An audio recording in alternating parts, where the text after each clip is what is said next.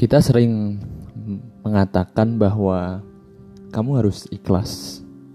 Kamu harus mencoba untuk ikhlas dan menerima ini. Kadang kita bingung ya, apa sih maksud dari kata ikhlas tersebut? Tahukah Anda apa itu sebenarnya ikhlas? Dan bagaimana kita bisa mendapatkan keikhlasan dalam jiwa kita ketika seorang datang dan uh, mengatakan pada kita bahwa kamu tuh harus ikhlas dan menerima ini. Mungkin cukup banyak orang yang menganggap ikhlas adalah menerima ya. Anggapan tersebut bisa saja benar namun juga bisa salah. Sangat tergantung kepada bagaimana proses uh, seorang itu menerima hal tersebut. Ikhlas tidak dapat kita paksakan tentu. Sebab bila kita memaksakan diri untuk menerima suatu ketentuan, namanya juga memaksa diri ya tentu akan menjadi terpaksa jadinya tidak jadi ikhlas. Ikhlas sangat mirip bahkan mungkin hampir dapat dikatakan sama dengan ridho. Bila kita ridho kepada Allah tentu saja Allah akan ridho kepada kita. Ridho itu sendiri adalah gabungan dari tulus dan ikhlas. Kita akan sangat membutuhkan prasangka baik kepada Allah sebagai penunjang usaha kita dalam mencapai keikhlasan jiwa. Sebab untuk dapat menerima dengan besar hati semua ketentuan yang ada tentunya atau kita mencoba untuk melapangkan dada kita ya dari ketentuan yang sudah diberikan kepada Allah untuk kita bukan dengan menahannya tapi menerima dengan penuh kerelaan, kesadaran, ilmu serta pengertian akan ketentuan tersebut. Semisal kita sakit, dua hari kemarin saya sempat sakit ya, nggak tahu kenapa, mungkin karena sudah lama tidak sakit, terus harus diberikan sakit mungkin agar lebih bersyukur lagi kalau dalam keadaan sehat. Semisal kita sakit, baik sakit fisik maupun sakit perasaan kita, Tentunya bukanlah diterima begitu saja dengan segala keluh kesah kita. Tapi dengan pengertian ilmu kita bahwa tiada rasa sakit sebiji zarah pun, tiada sakit sekecil apa pun, tiada sakit seluka apa pun itu kecuali Allah akan menambahkan kemuliaan kepada orang yang mendapatkan sakit tersebut.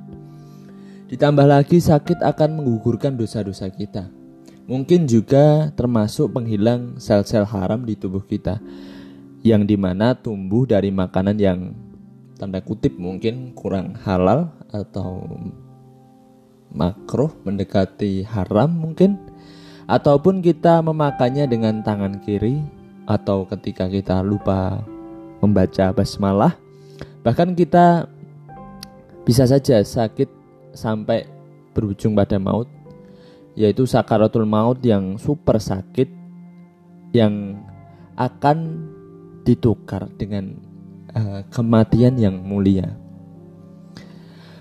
Haruslah kita senantiasa uh, berprasangka baik ya pada Allah yang akan membayar lebih dari siapa pun atas segala yang kita tangguh serta mengganti apa pun yang uh, kita dapatkan dari Allah dengan penggantian yang terbaik.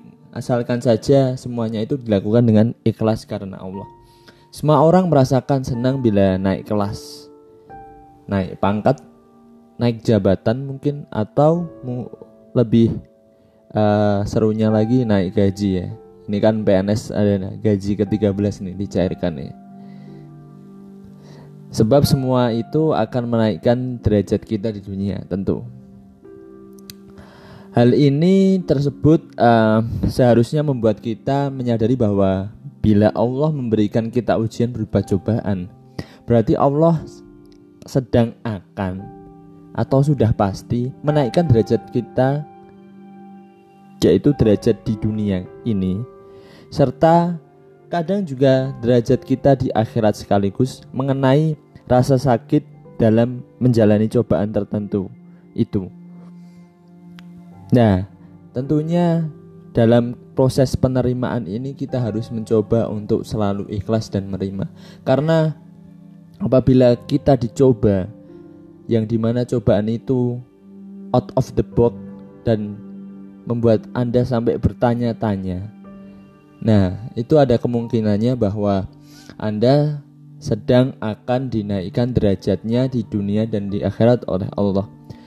Dengan semua alasan tersebut, tentunya akan membuat kita menjadi rela untuk menerima serta menjalani ketentuan Allah untuk ditukar dengan segala ke keuntungan, uh, keprofitan, dan kemudahan yang akan diberikan. Sebab dalam setiap satu kesulitan yang kita lalui selalu ada dua kemudahan.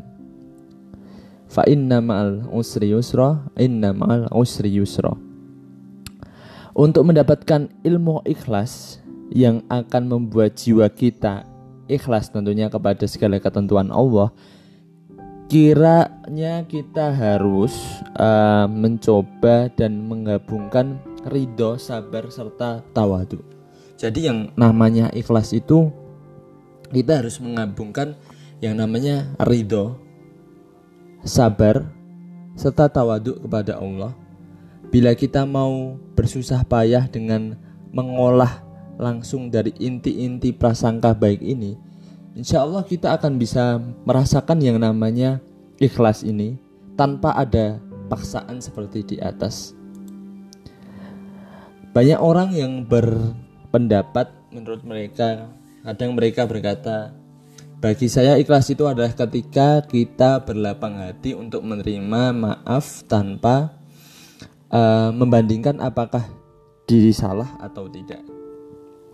Ada juga yang mengatakan ketika kita berbesar hati memaafkan kesalahan orang lain yang uh, menjahati kita tanpa memperdulikan besarnya kesalahan orang tersebut. Ada juga yang mengatakan bahwa bagi saya ikhlas itu adalah ketika kita sudah lupa akan kebaikan yang kita lakukan pada orang lain. Yang lain mengatakan bahwa bagi saya ikhlas adalah ketika kita berdamai dengan diri sendiri atas kekecewaan saat segala yang diinginkan tidak sejalan dengan harapan.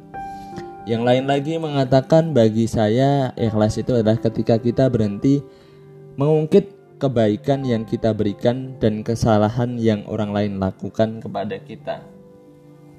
Dan di sisi lain ada juga yang mengatakan bahwa bagi saya ikhlas adalah ketika kita tetap menjalankan garis hidup yang direncanakan Tuhan tanpa banyak mengeluh walau tidak sesuai dengan keinginan kita. Ikhlas itu adalah hal yang mudah diucap, tetapi pelaksanaan merupakan pembelajaran setiap hari. Jadi, teman-teman, dalam proses kehidupan ini, uh, saya berharap teman-teman semua tetap selalu semangat atas segala uh, kehidupan yang telah dijalani, selalu bersyukur atas yang sudah diberikan Tuhan kepada kita. Tetap semangat apabila masalah uh, musibah melanda sabar cobalah ikhlas gabungkanlah antara ketawaduan kita terhadap Allah kesabaran kita serta coba ilmui pasti di situ ada hikmah di balik setiap masalah yang kita dapatkan mungkin itu yang dapat saya bicarakan pagi ini. Uh, kita bertemu lagi di uh, eh, podcast podcast selanjutnya